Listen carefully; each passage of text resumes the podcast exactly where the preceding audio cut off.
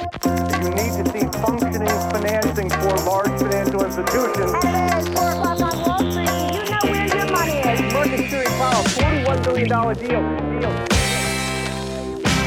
Då är det dags för ytterligare ett bonusavsnitt. Jag har med mig fastighetsbolaget MP3 Fastigheter som eh, fokuserar på Norrland. Eh, och på deras hemsida står det In Norrland We Trust, vilket jag tycker är väldigt roligt såklart som gammal bodensare. Det här är ett midcap-bolag med ett börsvärde på strax under 3,3 miljarder. Ja, nu är börsen öppen i och för sig när jag spelar in det här så jag vet inte hur förändringen har varit men sist jag kollade. Det är 2999 avansianer och eh, VD Andreas Nellvig har jag med mig här i podden. Varmt välkommen hit! Tack för att vi får komma. Kul att ha dig här. Jag tycker vi gör som så här när vi har gäster. Vi börjar från början. Vem är Andreas? Ja, jag är eh, en sann norrlänning, född och uppvuxen i Sundsvall, där också bolaget har sitt huvudkontor. Eh, var med och startade NP3 2010 eh, och har varit VD sedan dess och var med och tog bolaget till börsen då 2014. Just det, nu vi pratar Sundsvall också, där luktar det lite pappersmassa precis som det gör i Piteå. Vi sa och skrattade här inför inspelningen, det luktar pengar. Tycker också att det är roligt att ha en riktig norrländsk stämma här, det är inte så ofta jag har det här nere i Fjollträsk om man säger så. Berätta mer om MP3 Fastigheter. Ja, som jag sa så startade vi bolaget 2010 och vi såg ju en lucka där då när marknaden var lite tung eh, i, i likviditeten av försäljningar och köp. Eh, och då valde vi att, att eh, förvärva fullt uthyrda fastigheter med bra hyresgäster och starka kassaflöden. Och det låter ju som en liten omöjlig kombination. Men just under den perioden när vi startade NP3 Fastigheter så var det inte det. Utan då fanns en lucka där- eh, väldigt många satsar på sina hemmamarknader. Och det är väldigt få som har norra Sverige som hemmamarknad. Och det gjorde det väldigt naturligt för oss att eh, vara med och skapa Norrland som vår hemmamarknad. Där vi faktiskt också är född och uppvuxen och, och som vi tror på. Mm. Och MP3 Fastigheter, för de som funderar lite grann kring namnet också, kan du utveckla lite grann, vad, vad är anledningen till just MP3? Ja, alltså det står egentligen för norra Sverige, N står för norra Sverige och P står för personlig och vi var tre stycken som startade bolaget. Därav kom då eh, det som kallningsnamn och sen när vi väl skulle starta bolaget så då vart det arbetsnamnet som också vart det, det sanna namnet så att säga. Så, så därav då så heter vi NP3 Fastigheter. Mm. Jag har felaktigt på Twitter sagt att det var Norrlandspojkarna, för det har jag någonstans gått i någon tro. Eh, Men så, så är det ju uppenbarligen inte. Nej det är inte men, men det är klart att eh, det är väldigt många som tror det framförallt när man är från Sundsvall där Norrlandspojkarna har varit ett, ett eh, inslag under väldigt många år. Hur, eh, om, om vi går in lite grann på hur MP3 då är organiserat, berätta mer om era affärsområden. Ja, vi har då eh, alla regionstäder i norra Sverige är i våra affärsområden och vi säger norra Sverige, det är Dalarna, Gävle och norrut. Eh, och vi har då kontor på alla dessa orter och vi har även i vissa eh, biregioner om man ska kalla det för. Gällivare är en sån, Piteå är en sån, eh, Sollefteå är en sån. Där vi är ganska stora på den lokala marknaden och där vi tycker också att den lokala närheten har en stor betydelse för att faktiskt då skydda våra investeringar. För det är ju det som är anledningen till att vi har våra kontor. Vi ska veta bäst vad som händer i varje marknad, på hyresmarknaden, på transaktionsmarknaden och också eh, vad som händer i orten. Så att vi kan vara med och parera eventuella risker och möjligheter. Där blir det lite intressant om man tänker på er och drar en parallell till bankvärlden så kanske man då tänker på Handelsbanken som har just det här decentraliserade tänket, många lokala kontor där ute i Sverige. Man har bra kännedom om den lokala marknaden och det förstår jag ju som du säger här då, att ni har kontor på era respektive affärsområden så blir det liksom de, de städerna ni är verksamma i. Vilket gör att det kanske också sänker risken än om det är så att man sitter och rattar fastigheter på ett, eh, i ett Excel-ark från Stockholm. Det tycker ju vi och det är klart att det gör ju också att vi kan köpa fastigheter som de från Stockholm inte vågar köpa. Med lite kortare hyresavtal, med en viss liten vakans till exempel. För vi vet ju vem som efterfrågar ytorna. Så det är ju det som också gör att vi kan handla på en annan nivå. Mm. Förutom affärsområdena då som är de här städerna så har ni ju även då eh, ett antal olika fastighetskategorier, nämligen 50 antalet. Berätta om dem. Ja, vi har ju en fördelning då där, där eh, handel, eh, vi har eh, industri, logistik, övrigt och kontor. Och vi har ju sagt att en tredjedel av eh, handel, industri och logistik, kontor och övrigt. Det är en ganska bra fördelning sett ur riskaspekten. Att ha en fördelning mellan många olika kategorier i många olika orter och dessutom på väldigt många hyresgäster. Vi har över 1400 hyresavtal. Det gör att vi skapar en trygg bas. Och det är den vi försöker att, att fortsätta vårda och att fortsätta ha tillväxt utifrån.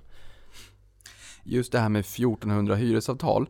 Finns det någon enskild kund som står för en stor andel av hyresintäkterna? Det jag tänker här hur kundkoncentrationen ser ut, eller är det ganska bra riskspridning där? Det är väldigt stor riskspridning i det. Vi, totalt sett, våra 10 största hyresgäster står för 15% av hyresvärdet. Och då är det ju inte bara 10 hyresavtal, utan vi pratar 40 hyresavtal drygt. Så att det är väldigt många hyresgäster. Vår största hyresgäst är Dagab och då är det ju Willys butiker, tre stycken. Det är även deras Axfood snabbgross som säljer till restauranger och det är deras logistikanläggning i Borlänge. Så det är även olika där kategorier, olika orter, eh, men samma hyresgäst då. Ja, det där, och för de som är lite nyfikna på det där, just Dagab, det är ju liksom då leveransenheten inom Axfood som är en av våra två noterade dagligvaruaktörer på Stockholmsbörsen. Är det någon enskild fastighet som utgör en större andel av, av eh, intäkterna då? Nej, det är det inte. Vår eh, största hy- fastighet det är en handelsområdet i Östersund som heter Lillänge och det är ju egentligen tre byggnader eh, där eh, hu- huvudhyresgästen är Coop Nord då, så att eh, nej det är det inte. Och en Coop Nord kanske inte heller flyttar från en dag till en annan. Nej, vi har väldigt långt avtal med dem och, och en eh, bra relation och ett bra läge framförallt. Mm. Någonting jag är intresserad av, ja, lite mer kring, det är ju just kategorin handelsfastigheter då. För att är det någonting vi har hört den, den senaste tiden och kanske som var temat i fjol också så är det ju the death of retail, brick and mortar pratar vi om i USA. Där har vi fått en liten rebound faktiskt. I Sverige är man fortfarande ganska orolig kring den här omställningen. Hur påverkar det era marknader, era eh, Handelsfastigheter har ju också minskat lite grann i förhållande till 2017 hela året. Det kanske är för nya förvärv och en annan mix. Vad säger du där? Nej men alltså vi tittar ju på handeln och följer den utvecklingen hela tiden. Och det är en väldigt intressant utveckling som händer. Eh, och jag tror i och för sig då att e-handeln har ju eh, en, en stor utmaning också i norra Sverige där densiteten på befolkningen är ganska låg. Vilket gör att det är svårt att, att få samma leveranskvalitet som man kan få i större orter. Men om man tittar på vårt handelssegment så totalt sett så står handel för 32 procent av vårt hyresvärde. Eh, och vi säger då att i alla byggnader som det är handel i, det lägger vi under handelskategorin. Så vår största andel, det är faktiskt business to business handel. Där vi har då Ahlsell, vi har Swedol, vi har Onninen och den typen av hyresgäster. Eh, så det är inte den som är primärt och utsatt för e-handeln. Därutöver så har vi 10% dagligvaruhandel, så att 40% ungefär är då business eh, till eh, konsument. Och våra stora hyresgäster där, det är lågprisvaruhandeln. Rusta, ÖoB, Dollarstore. Det är inte de primärt som idag då har det stora e-handelshotet över sig upplever vi det som, utan än så länge så, så köper vi såpa och, och, och plastmuggar på direkt i butik. Ja. ja, men det låter intressant. Jag menar, någonting vi också kommer komma in på, det är ju när ni investerar i, i, i tilläggsbyggnader och sådär, i, i redan, be- till redan befintliga hyresgäster, vilket gör att ni då kan höja upp eh, hyresintäkterna och få i princip full uthyrning, eller ni har faktiskt 100% uthyrning på det ni då har byggt till, så att säga. Det här är ju lite intressant, om det nu är så, för nu säger du att det här inte riktigt påverkar, men om det skulle påverkas i så mått då att man behöver lite mer omnikanal, man kanske behöver lite större lager för snabbare leveranser för att beteendet i handeln förändras, så har ni också potentialen att faktiskt bygga ut och, och ge de möjligheterna till de kunderna ni har. Absolut. Den stora fördelen i Norrland är ju faktiskt att marken får man nästan på köpet. Man köper en fastighet med, med ett hyresvärde eh, och sen så tänker man inte att marken har så mycket värde. Och det är det som har gjort att vi har byggt faktiskt på mycket parkeringsytor eller dylikt eller, eller uppställningsytor som hyresgäster tidigare har använt bara ändå. Och det är där vi också har byggt nybyggnationer till Svedol senast här i Östersund. Eh, och Då blir det fantastisk kalkyl på sådana byggnationer. Ja, för precis som du säger, du får ju marken på, på köpet och det är ju inte så att vi behöver betala 20-25 spänn i timmen eller 93 spänn i timmen på parkaden är väl förmodligen det parkeringshuset som har absolut bäst intjäning i Sverige och där har vi ju huvudstaden då. Eh, Så att jag menar, där får du ju marken på köpet. Ni kan ju göra liksom lite grann de här Det här tycker jag, det här, det här gör mig nyfiken. Därför är det så att ni då köper marken, ni har lite parkering, ni kan bygga ut. Hur, hur lång och jobbig är den processen för att få de tillstånden? För jag menar, det där är ju gratis pengar som bara ligger och väntas på att faktiskt exploateras.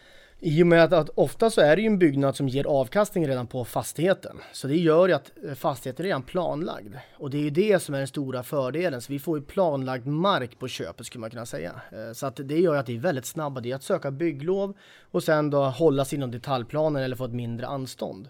Eh, så att det, det är väldigt snabba processer så att vi kan ju oftast bara lämna in ett bygglov. Så det är inte som vi, vi har lärt oss liksom på Solsidan på TV när man är tvungen att gå och försöka kompromissa med grannarna och försöka ha in gift i något träd för att det ska dö för att man vill ha lite, lite utblick över vattnet och sådär. Utan det här är redan liksom bestämt detaljplanerat så att det är egentligen bara att lämna in och bygga. Så är det, men, men man ska komma ihåg att det finns det finns ju regleringar i detaljplanen. Så ibland så är det klart att man får begränsa storleken på huset eller fastigheten eller begära anstånd då från, från eh, kommunerna. Eh, men, men som sagt var, i och med att vi har goda relationer till kommunerna. Jag upplever som att de mindre kommunerna är också väldigt mån om att det händer saker i sina kommuner. Så gör ju det att, att, att eh, de, de lyssnar på, på vad vi vill och de tar till sig och, och, och allt som oftast hittar vi en överenskommelse som passar båda. Det här tycker jag faktiskt är väldigt spännande. Så man kan ju liksom någonstans, det, det, det, jag jag börjar liksom tänka på strukturell tillväxt. För att är det någonting ort, kanske lite mindre orter behöver, det är ju aktivitet. Att det händer lite grejer, det skapar sysselsättning, arbetstillfällen, liksom, det är mera handel, det blir en liv, livligare kommun och livligare stadskärna. Och jag menar, det, det här, det, det låter ju som att ni får politikerna mer kanske ganska enkelt för att de ser positivt på att ni är med och bidrar till samhällsutvecklingen i städerna, är det så? Ja men det skulle jag vilja säga och, och det är klart att det är ju politikens främsta uppgift skulle jag vilja säga i norra Sverige. Det är ju faktiskt att, att bidra till ett större intresse för för, för att investera, att komma till deras kommuner. Eh, så det är klart, om de börjar med att ge de som redan finns där hjälp, då är det klart att då är det större chans att de får in fler. Och det, det tycker vi bara är positivt. Eh, vi pratade ju lite grann om det innan vi började spela in här också, Luleå. Jag kommer ju från Boden, Luleå, Rostbollen, Notviken. Där har ni lite fastigheter. Jag tänker på Storheden som är handelsområde, typ som Birsta i Sundsvall, ett jättestort. Ja, du, det vet du definitivt vad det är. Även du är i fastighetsbranschen, men du är ju från Sundsvall också, eller strax utanför. Ehm, det, är ju ett handelsområde i Storheden då, som man tar bilen till. Liksom, har du inte bil i Norrland så kommer du ingenstans. I, när jag bodde där så gick bussen en gång i tiden timmen och sen på helgen gick den inte alls. Eh, ni har ju liksom Rostbollen, Notviken som är lite, lite off just det där handelsområdet. Men då sa du att det är snarare business to business. Berätta mer. Och det är kul för de som är från Luleå, Boden som vet också vad du pratar om här nu. Ja, och i grunden så tycker jag att om man placerar fastigheter mellan Luleå centrum och Storheden så kan det aldrig bli helt fel. Det är alla bilar som ska till Storheden passera just det här eh, området, Notviken. Sen så har det skett en transformering sen vi köpte fastigheten. Vi köpte en jättestor vakans där och vi har fyllt på med annan typ av handel. Eh, Ryds bilglas är en sån. Ett glasmästeri en annan. Elon som då säljer både till, till eh, konsument och, och, och till företagarna. Så att det är den typen av hyresgäster vi har jobbat mot och det är den hyresgäststruktur vi tror passar in i det området. Eh, så att det, det är det vi fokuserar på. Det är det som är vår vad ska man kalla för, core client eller vår huvudhyresgäst eller vad ska kalla det för. Men går det att säga då när ni köper ett bestånd, hur vanligt är det att ni liksom förändrar kundstrukturen? Ja, alltså det blir ju på marginalen när vi är så pass stor som är idag. Men det är väldigt ofta ska jag vilja säga att vi går in och köper bestånd och tycker att ja men det här, visst det genererar avkastning idag, men det här kan vi göra något bättre av. Och framförallt om man får en vakans. Vi kanske inte alltid fokuserar på att höja hyran till maximera, alltså maximera hyran, utan vi prioriterar ju också avtalslängder för att få en trygghet. Men om de inte är beredda heller att ta en viss hyreshöjning och välja att flytta, men då är inte vi rädd för det. För vi vet vad vi kan använda fastigheten till. Att ändra lager till exempel i Gävle har gjort jättestora omställningar där, där vi köpte lager för 300 kronor per kvadrat med asfaltsgolv. Och idag är det butiker för 800 kronor eh, per kvadrat där vi investerat lite grann förvisso, men där vi ändå har fått upp områdets kvaliteter, vilket gör att alla näromliggande fastigheter som vi äger också har en hyrespotential. Får liksom en liten medvind där också värdesmässigt. Ja. Eh, vad skulle du säga det där? Det där låter ju också spännande just att kunna ta en typ av fastighet, för omvandla det här och få en helt annan hyresintäkt. Vad finns det för potential i beståndet som ni har idag? Jag tänker, för du pratar ju om här att eh, den här guldbalansgången så att säga, vågskålen kring avtalet, hyreslängden, hur, hur länge hyresgästerna vill stanna och hur långa kontrakten är kontra vad det är för hyresnivåer. Var går den balansen och eh, hur, hur skulle du säga att hyrorna hos er ligger idag i förhållande till potentialen? Vi har ju ett snitt på ungefär 700 kronor per kvadrat. Så det är klart att det är relativt låga hyror i norra Sverige. Men, men eh, samtidigt är potentialen inte heller enorm. Men vi har en potential i våra hyror. När vi har fått vakanser så har vi hittills aldrig sänkt en hyra i en omförhandling. Utan har det skett det, då har det egentligen hänt av att ett hyrestillägg har försvunnit eller dylikt. Eh, så det gör att jag tycker att vi har en potential. Sen så ska vi då när man har en möjlighet så finns det även en risksida att man får vakanser. Så det gäller ju att balansera det här, eh, vilket jag tycker att våra anställda gör på ett väldigt bra sätt. Eh, och, och, det gör också att man kommer inte kunna se hela potentialen slå igenom dag ett utan vi vill ju även bygga trygghet för våra investerare. Någonting som jag också eh, har uppmärksammat så är det ju just som jag sa här i början då på er hemsida så står det i Norrland We Trust. Ehm, och det råder ju ganska goda tider i Norrland, främst Norrbotten och eh, bruttoregionalprodukten går starkt. Vi har fått en, liksom en riktig rebound uppe i Norrbotten, det är goda tider, det är inte så att man, man brukar säga att Norr, Norrbotten de, de dränerar och det är Stockholm som jobbar. Nu är det ju inte riktigt så, det går ju ganska bra där. Hur påverkar det här ehm, er och eh, hyresnivåerna? Kan ni höja hyrorna om ni skulle få en vakans? Är det så pass stor efterfrågan? Ja, alltså det skulle jag vilja säga. Framförallt gruvorterna är det en fantastisk efterfrågan idag. Och, och, det är klart att det viktiga är ju när, när, när de stora bolagen ser framtidstro, då vågar också privatkonsumenten se framtidstro. Så det gör ju att även eh, privata väljer att, att, investera lite mer. Och det är ju det som driver städerna framåt. Och, och, och därför är det väldigt viktigt att de här stora bolagen eh, investerar i våra orter. Och den största investeringen det är ju faktiskt eh, i Östrand liksom i Timrå som luktar pengar där man sätter nästan 8 miljarder kronor i investeringar. Enorma pengar. Och det är klart att det bidrar till en framtidstro. Mm. Eh, du pratade lite grann om här i början också, om lite mindre städer som är närliggande kring de eh, städerna ni har investerat i. Vi ska inte ha någon jättelång utsvävning men jag måste ju fråga när jag har det här Boden, min gamla hemort, där har ni inte investerat. Varför? Nej, vi har tyckt att hittills har, har det varit för, för, dyrt för oss att investera där. Vi har valt mellan Luleå och Boden och då har investerarna landat i, i, i Luleå. Alternativt har det varit mer högavkastade och hamnat i Gällivare. Där vi också har, har de högsta industrihyrorna faktiskt. Så att, eh, det, det, är en ort som man kanske inte tror på så ofta men, men där har vi den starkaste efterfrågan, de högsta hyrorna på industriytor och en väldigt, väldigt bra eh, avkastning på, på våra investerade pengar. Och det är väl det som har gjort att vi inte landat mittemellan då i, i Boden. Men, men vilken typ av industri är det som är, eh, som är på, på, eh, i ropet i Gällivare?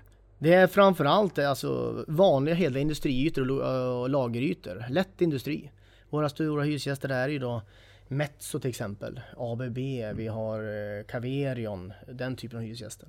Finns det en potential att eh, omvandla olika typer av fastigheter till typ handelsytor? Du pratade här att man gick från 300 kronor kvadratmeter år upp till 700, 800. Finns det en sån konverteringspotential latent? I vissa av våra områden gör det det. Men, men det är klart att eh, den är inte så stor idag skulle jag säga. Utan det är inte huvudtriggern? Nej det är det inte. Det ska man inte säga. Utan det, det är vår, vårt stabila flöde som ska vara liksom vårt fokus. Om man tar fastighetskategorierna då, eller ja egentligen affärsområdena kanske städerna också, men fastighetskategorierna. Vilken växer snabbast och vilken är kassakon? Ja, alltså industriytorna är ju de, eh, lätt industri och logistik är ju de ytor där vi har en väldigt bra marginal på. Eh, så att det är väl den starkaste. Om man tittar på orterna sen, vilka som har bäst efterfrågan, så skulle jag säga att Östersund och Luleå har en väldigt stark efterfrågan på hyresmarknaderna. Men det är en stark hyresmarknad i hela norra Sverige för tillfället. Så att, eh, nu gäller det att ta liksom, dra nytta av den. Mm. Hur arbetar ni där då? För jag tänker så här, Boden, Luleå. Du sa Luleå, ni väljer den. Jag förstår att ni väljer den. Ja, det, det gör jag faktiskt. För, för, det är ju en starkare kommun med, med ett mera sprudlande näringsliv och, och mera infrastruktur och allt vad det kan tänkas vara med flygplats och hit och dit. Eh, men Boden, de eh, vill ju inte liksom de säger så här, men vi ligger ju så nära och sådär så vi vill, ha, vi vill ha samma betalt för våra fastigheter. Ser det ut lite grann så i andra städer runt om också, där ni väljer bort orter, där ni säger att de här har inte riktigt eh, de ligger inte riktigt nära sanningen när det gäller det sanna priset på de här fastigheterna, därför väljer vi bort. Nej, Det är klart, man, alltså, alla som ska sälja något tittar ju på vad, vad får de andra runt omkring mig för betalt? Och sen utgår man därifrån. Och det är klart att det ska vara ett annat pris i luren i Boden. Och, och det kan väl hända att vi inte har träffat riktigt rätt heller. Men, men eh, över tid sett så är det klart att Boden är en intressant kommun för, för MP3 att för det är ändå en stor norrländsk ort eh, med ett, en bra närhet till, till både sjukhus och till, till Luleå med, med universitet och flygplats. Tycker jag låter väldigt trevligt. Då blir jag lite nyfiken på vad är det som differentierar MP3 gentemot andra fastighetsbolag då, om vi tar liksom generellt på Stockholmsbörsen? Ja, så det är klart, det är vårt fokus på, på uh, vårt kassaflöde. Vi, vi, har inte så mycket prestige i våra fastigheter, de gör sig kanske inte så bra på kort, men, men däremot så, så eh, diplomatiskt. investeringsmässigt sett så tycker vi de är bra. Och vi har ju vår trygghet där eftersom vi kan den marknaden. Och det är ju det, att satsa på det vi kan. Eh, det är det som var vår ledstjärna egentligen. Fokus, kassaflöde och faktiskt de marknadsandelar som vi tycker att vi kan och förstår. Mm. vad är det då för skillnad på om vi tar MP3 kontra Diös som har en del fastigheter i Luleå city?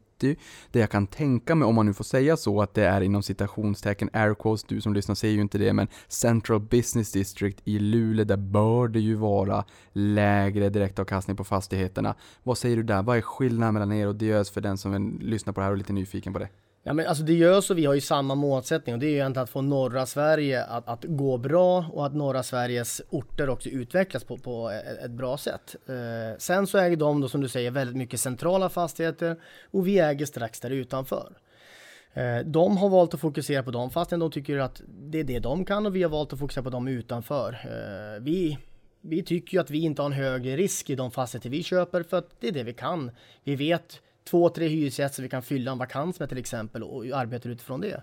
Och det är säkert likadant för Diös att de tycker att eh, deras fokus och deras kompetens är i citykärnorna. Så det gör att vi konkurrerar ju väldigt, väldigt sällan om hyresgäster utan det är oftast lokala spelare som, som är vår största konkurrent. Ja men det tycker jag är intressant också för precis som du säger, ni kan fastigheterna där ni verkar och även om det inte gör sig fint på kort så kan ni, ni förstår det, ni förstår kassaflödena, ni vet att det finns en efterfrågan, jag är ju utbörding, jag kommer där uppifrån. Det är ju sällan jag ser att de här fastigheterna, om jag tänker då Luleå primärt, är eh, vakanta. Även om det är klart man går in på den här hemsidan, det finns ju en del lediga fastigheter i Luleå, men, men det är ju så här över tid när, man är, när jag var ung och bodde där uppe. Det var ju inte så att jag såg att det var vakanta fastigheter här och var. Eh, så det är ju betryggande också, tänker jag, när det är ett norrländskt bolag, att man, man, man är, jag är ju uppväxt i miljön och jag har ju sett att det är ju en, det är, de är ju fyllda. Ja, och vi har haft en ganska konstant eh, uthyrningsgrad. På, eh, mellan 91 och 93 procent ungefär. Och då har vi ändå köpt större vakanser. Så att eh, allt annat lika så har vi faktiskt fyllt på med uthyrningar. Så att eh, vi, vi känner oss väldigt trygga i vår marknad. Och, och i dag, dagsläget är hyresmarknaden väldigt stark. Så att eh, vi hoppas att, att det kommer slå igenom på siffrorna under året. Det där tycker jag också är lite intressant, för när du pratar om vakans, dels så kan vi väl eh, liksom eh, ta, är, vi kommer komma in lite grann på, på lingo, men alltså en vakans, det, det, det finns ingen hyresgäst då alltså helt enkelt. Nej. Men, eh, och ibland förvärvar ni ju vakans också. Absolut. Hur är prislappen när man förvärvar vakans i förhållande till när man förvärvar en fastighet som redan har ett långt kontrakt, en hyresgäst och pengarna rullar in? Och hur snabbt går det innan den är uthyrd i normalfallet? Alltså, vi brukar säga att när man får en vakans så tar det ungefär ett år att eh, få en återuthyrd. Eh, man får räkna med den tidshorisonten och lägga in det i sina kalkyler när man köper vakans. Det är klart, vakans är väldigt, väldigt mycket billigare att köpa och framförallt en vakans när man köper sig 80-90% uthyrda fastigheter och så är det en liten skvätt som är vakant. Ofta får man ju då vakansen på köpet och det är ju det som är liksom uppsidan för oss.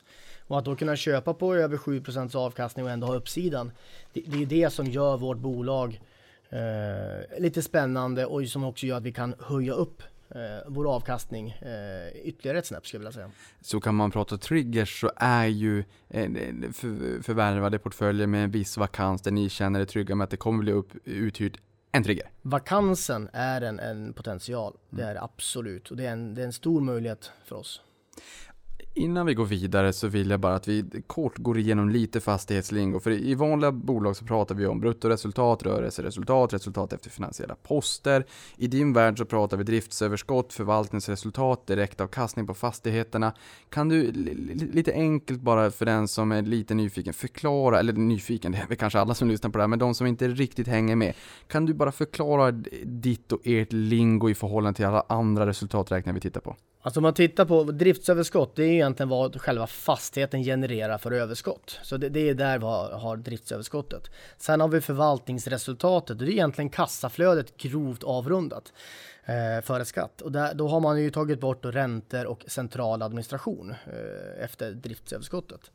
Och därefter har vi då skatt som, som då så ger resultat efter skatt och värdeförändring kommer också därefter. Så man kan säga, liksom, om vi tar ett vanligt bruttoresultat, alltså vi drar bort kostnader, sålda varor för vad det då kostar att producera den här t-shirten som H&M säljer. Så tar ni bort alla kostnader som är förknippat med den enskilda fastigheten. Ja, och det är driftsöverskottet. Då. Ja, och sen så drar ni bort eh, personalen och julfesten och, och allt, liksom, allt det centrala kostnaderna så att säga. Och då har du... Räntor och den, precis. Just det. Okej, ja, men då, då är vi med. Och det, det här tycker jag också är lite intressant just med definitioner. Mm. I Q1 då, i er senaste rapport, så på sidan 23 för dig som lyssnar så kan du gå in och titta på definitioner. Det här rekommenderar jag. Just fastighetsbolag har lite eget lingo. In i MP3s eh, Q1, sidan 23, där har du definitioner. Plugga på det där, precis som vi pluggade engelska glosor när vi var unga. Det är nyttigt och det är finansiell allmänbildning. Hur ser en typisk MP3-fastighet ut? Ja, för det första, den har ganska hög uthyrningsgrad. Eh, Det är ganska lite teknisk eh, förvaltning på den. Eh, vi åker alltså inte dit och, och behöver ha skötsel på den varje dag, utan vi, vi, vi har tillsyn månadsvis kanske. Eh, det är en stark hyresgäst som vi egentligen skickar fyra fakturor till år om och i övrigt sett så gör vi en aktivitet med dem och åker och hälsar på dem och knackar på två, tre gånger per år, våra affärsansvariga för att höra hur trivs ni i fastigheten, är det någonting vi måste hjälpa till med? Och, och på så vis då så hittar vi en, en, en bra affärsrelation med våra kunder. Nu, nu har du varit in på det lite grann också, men jag tänker ytterligare en gång då. Hur ser den typiska hyresgästen ut hur, och hur lång duration är det på kontrakterna i snitt? Durationen ligger på drygt fyra år idag, eh, snittavtalstiden. Eh, och eh, den typiska hyresgästen, det, det, är, vi är, det är en kommersiell eh, fastighet vi är bara äger, så vi har ju inga bostäder. Så det är kommersiella fastigheter. Så att det gör ju att det är vitt skilda, men jag skulle vilja säga att business to business hyresgästen är den stora hos oss. Grovt avrak. Eh, Svedol är en sån som vi pratade om lite grann tidigare och som vi växer med. Som vi vet vad de vill ha och de vet vad vi kan leverera och, och därav har vi ett bra samarbete. Men det är den typen av hyresgäster med vår huvudkund. Eh, Fyra år, är det hö- längre eller kortare än snittet? I norra Sverige skulle jag säga att det är, är längre. Och normal förlängning på ett hyrestal är tre år. Så allt över tre år är ju allt som oftast då en, en, en längre duration än snittet. Men sen är det vissa bolag som har lyckats naturligtvis väldigt väl att ha en, en ännu längre eh, duration. Absolut är det så. Eh, Nu nu tänker jag också här, du, du nämner att ni inte har några hyresbostäder. Och det kan du och för sig kanske inte kommentera här då för att det kanske skulle vara kursdrivande. Men finns det någon, något intresse framåt av att ge sig in lite grann på hyresbostäder i Norrland också? Ni kan marknaderna, det är en lägre risk i hyresbostäder. Eh, Eller är det så att det där är inte våran business, det är inte vi som ska fokusera på det, det får någon annan göra.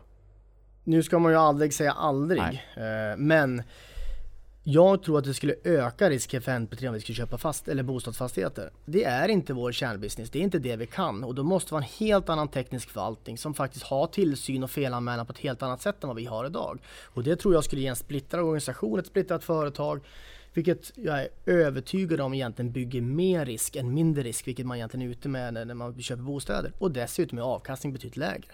Intressant. Ja, det är kanske inte så att man vill åka ut varje dag och ta bort eh, ludd ifrån torktumlaren så att säga. Det blir lite mer arbete och jag vet även min VD här på Avanza var uppe i Boden på 91, 92, 93-talet eller på att säga. 91 till 93 när vi hade eh, fastighetskrisen och det var jobbiga tider i, i Sverige. Nu är ju inte exponerade mot Boden. Men då rev man ju bostäder. Ja. Ehm, Så det är klart, jag, jag, jag förstår och det är intressant take du tar där att risken faktiskt kan vara lite högre och också kräva mer engagemang. För jag menar som sagt, du är ute en två, tre gånger om året och, och frågar hur, hur eh, hyresgästen mår och hur de trivs i fastigheten. Det, så hade det inte sett ut med hyresbostäder. Nej. Det är inget fokus just nu, därför lämnar vi det. Och det jag istället är lite nyfiken på, det är ju eh, Fastighetstidningens utmärkelse av Årets Fastighetsägare 2017 som ni vann. Vad betyder priset och varför vann ni tror du? Ja du, varför man vann får man väl fråga egentligen andra om då så att säga. Men, men eh, däremot så det är klart att det betyder mycket att få eh, ett kvitto på att vi gör någonting rätt. Och det är viktigt för organisationen också att de får ett kvitto. Eh, så att det är ju jätte, jätteroligt. Sen så är det klart att vi vi, vi, vi jobbar ju inte varje dag och, och, och skapar avkastning för att vinna priser utan det är klart att vi gör det faktiskt för att driva ett bolag på ett lönsamt och bra sätt för våra investerare. Men, men eh, det är alltid roligt när det går att kombinera ett bra arbete eh, och, och ett lönsamt arbete. Eh, vi, vi vann ju även all, vi vann inte Allbrights pris, men vi var det mest jämställda bolaget på börsen ska jag säga. Och det tror jag också är en grund till varför vi vann Årets fastighetsägare. Och det är som sagt var, då, då får man ju ofta frågan hur jobbar ni med jämställdhet? Ja, egentligen jobbar vi inte alls med det.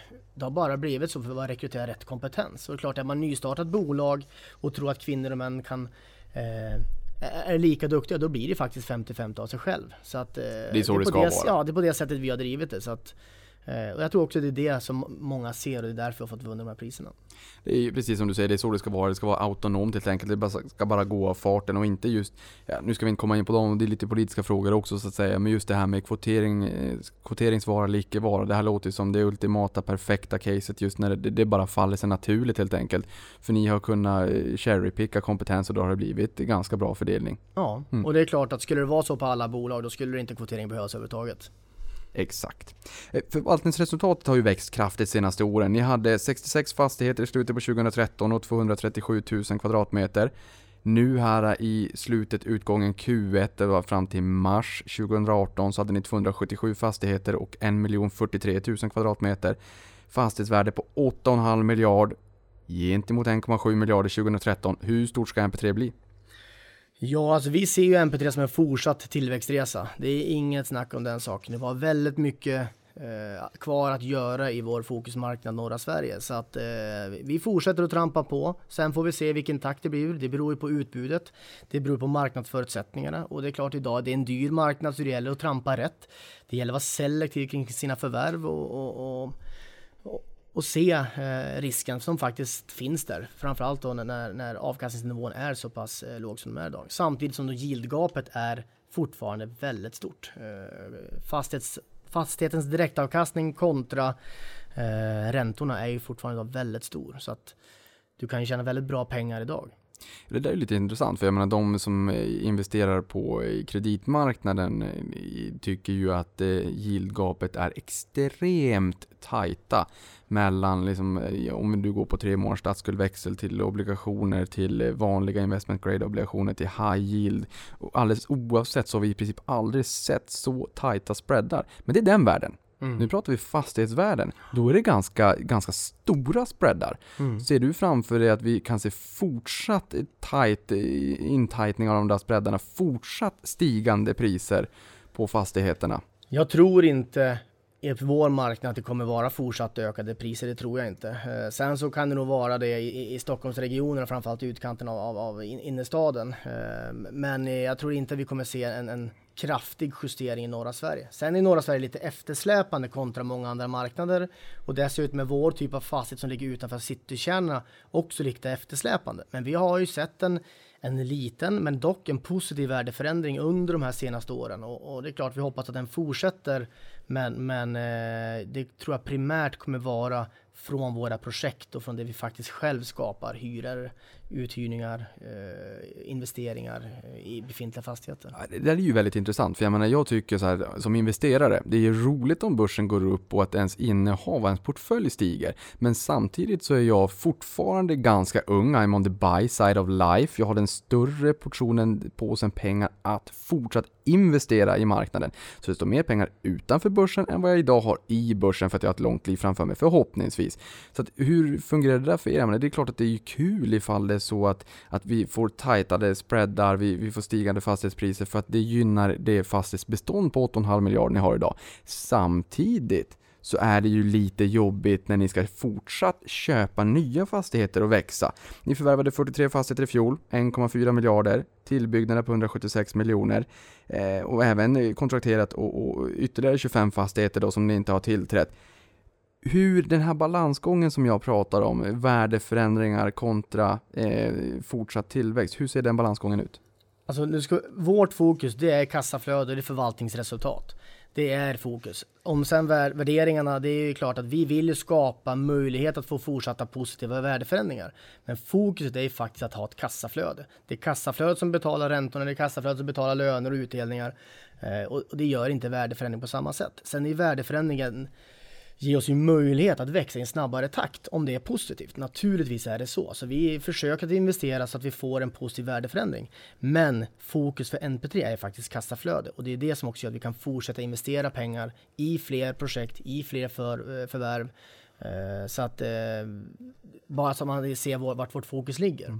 Även om vi som sagt var då så även driver viss projektverksamhet som du sa så, så är det ganska litet kontra helheten. Ja, för det där tycker jag också är lite roligt. Jag menar, kopplar det till ens vanliga eh, pri- privatekonomi som en privatperson. Ja, det är ju lönen in på kontot varje månad som är det viktiga, för det är det som betalar eh, hyror och mat och alla fasta kostnader och kläder och allt vad det kan tänkas vara och sen så sparandet till aktieportföljen för att köpa lite aktier och sådär.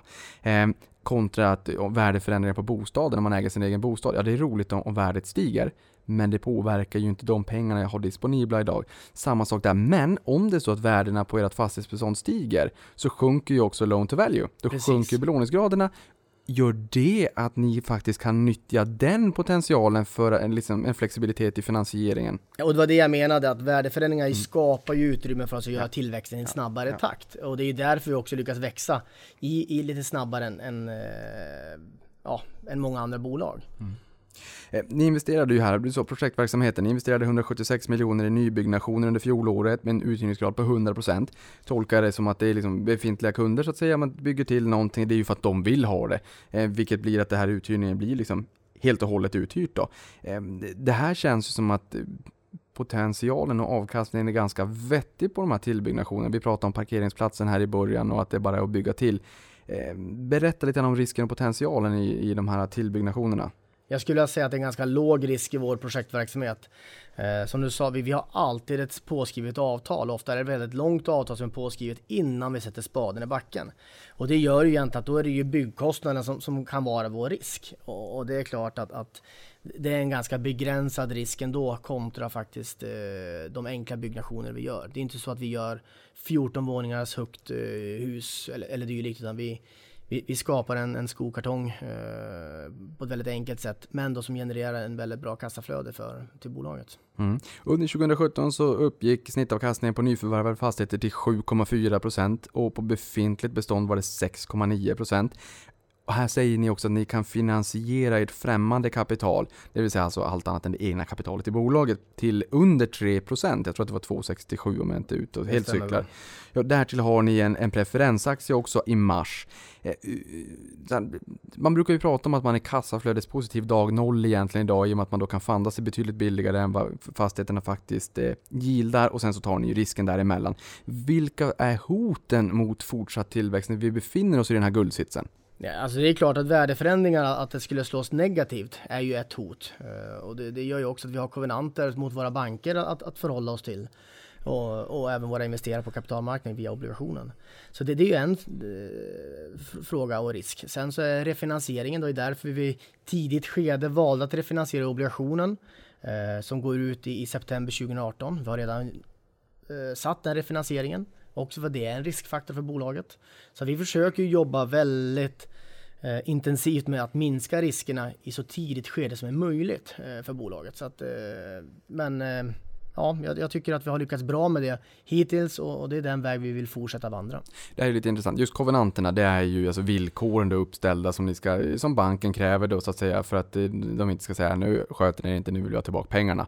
Sen har vi ju just räntebindning och kapitalbindning. För eh, vanliga bolåntagare så är kapitalbindning inte intressant för man tar ett bolån och så tänker man sig om det där behöver jag aldrig betala. Det är en amorteringstakt på 120 år på stocken i Sverige och så 50 år när man lånar nya pengar. Men i bolagsvärlden så funkar det inte riktigt så. Ni behöver ju se till att det finns någon som är villig att låna ut pengarna om 3-4 år eller vad det då är. Eh, och det kan, jag menar 2008 så frös kreditmarknaden till is och sen har vi ju räntebindningen också. Det är jobbigt om räntorna sticker upp jättekraftigt men samtidigt kan ni ju binda precis som man binder sitt eget bolån. Hur ser kapitalbindning och räntebindning ut? Eh, vi har ju valt att fokusera på kapitalbindningen för som jag sa, vi föddes ju i den krisen när likviditeten var väldigt, väldigt dålig och där banker inte litar på varandra och det, det var svårt att få tillgång till pengar. Och det har gjort att vi har valt att prioritera kapitalbindningen, så den är betydligt längre än, än, än räntebindningen. Eh, jag har för mig att kapitalbindningen är, är drygt tre år och räntebindningen är drygt två år. Eh, och det är på den nivån som vi, vi, är, vi är trygga med. Vi tycker att vi kan boxa in riskerna på det sättet. Räntebindningen är klart att om vi skulle gå upp i belåningsgrad, och då kanske vi förlänger räntebindningen. Men efter dagens mått, när vi har 60% i belåningsgrad, eh, vi har en stark skuldkvot som gör att vi faktiskt då kan betala av våra lån väldigt fort om någonting händer, så känner vi oss trygga i den nivån. Eh, och just det här med att bolagen är kassaflödespositiva dag ett då, eller dag noll. Vad, vad händer den dagen när räntorna börjar ticka uppåt, räntebindningen börjar löpa ut samtidigt som vakanserna, kan, vakanserna kanske stiger för att eh, konjunkturen har toppat och arbetslösheten stiger och, och bolagen kanske börjar gå lite knackigare, fastighetsvärdena faller. Vad händer då? Ja, det är klart att eh, i en sån situation så, så då gäller det att ha en väldigt bra relation med sin bank och ha en fortsatt positivt kassaflöde. För den dagen så är det ju kassaflödet som är det primära. Det är det som också betalar av lånen. Eh, så att vi, vi känner oss ändå eh, trygga i den situationen. Det är klart, men händer allt samtidigt då, är det en väldigt stökig marknad vi pratar om. Eh, och vi har valt att försöka parera de riskerna så, så, så gott det går. Men, men vårt fokus på kassaflöde vår relativt eh, låga skuldkvot eh, ligger väldigt bra till. Vi har en bra räntetäckningsgrad som gör att vi klarar betydligt högre räntor innan det är någon fara på taket för det här bolaget. Vi klarar med högre räntor än de allra flesta bolag, givet att vi har så starkt kassaflöde. Så det gör att jag känner en, en eh, stor trygghet i, i marknadssituationen som vi har satt oss i. Mm. Är det någonting småsparare gillar så är det ju utdelning och eh, frågan här ju, är ju i och med att fastighetsbolagen då är kassaflödespositiva dag noll i mångt och mycket. Eh, oh, det kan ju vara en toppsignal i sig. Nu, nu får vi låta det vara liksom, vi, vi, eh, det här blir en dum fråga egentligen men varför då dela ut pengar? Jag menar ni höjde utdelningen 12,5% från eh, 2,40 upp till 2,70. Eh, total utdelning på 146 miljoner eh, och, och direktavkastning på 4,6%. Jag förstår, eh, spararna vill ju ha utdelning. Balder är ju ett exempel. Som, eh, Erik Selin är ju faktiskt också en av era ägare på ägarlistan som har valt att inte ge utdelning. Nu är det ett annat segment. Men, men där man vill eh, fortsätta växa istället. Och ni har ju liksom, tillväxt står ju på er agenda, på er matsedel. Varför utdelningen? Ja, alltså för det första så vill ju vi att det ska synas rakt genom hela bolaget att det är kassaflödesorienterat. Och det ska synas allt från förvärven vi gör till aktieägarna. Och det är klart att utdelningen är ju då eh, ett, ett kvitto på det, skulle jag vilja säga. Sen så det vi gör egentligen, vi, vi ger ju aktieägaren möjlighet att återinvestera sina pengar i NP3 eller andra bolag.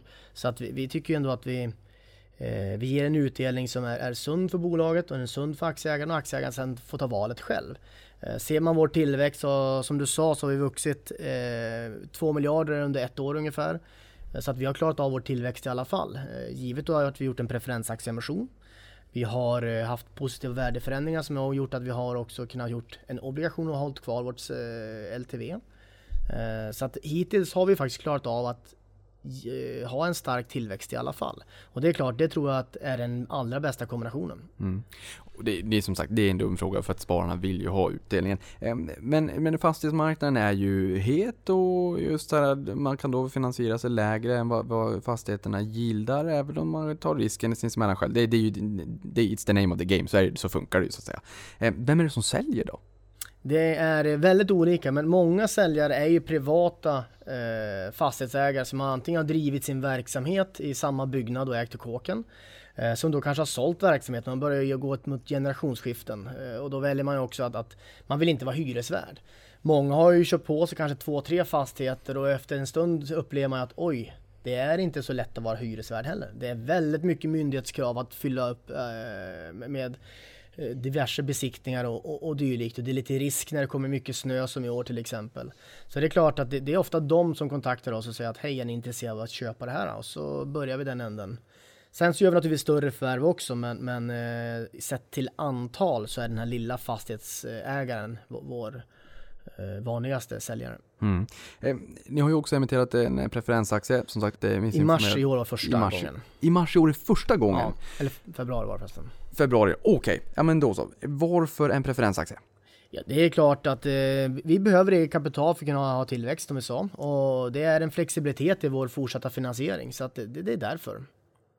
Och hur blir det då? För det- preferensaktien räknas ju som eget kapital. Ja. Hur ser det ut med er rating och sådär också? Hur, eh, vad, hur, finns det någon potential ifall ni får en bättre rating, att ni får ner fundingkostnaden? Nu lär vara en 267, så det är ju ändå ganska lågt. Vi, vi, eh, vi, vi har ju ingen rating idag och vi är så pass litet bolag så vi är inte i det skedet idag i bolaget eh, att vi står inför det. För då är det klart att då kanske preferensen som då i ratinginstitut ofta värderas till 50% eget kapital och 50% skuld. Då kanske inte det där var det givna valet. Men idag när vi är ett tillväxtbolag, vi ser affärer som finns att göra då ser vi det som, om, som positivt och den handlas idag till drygt 6% avkastning ungefär på börsen, vilket gör att vi tycker att det har varit en lyckat, eh, lyckad notering.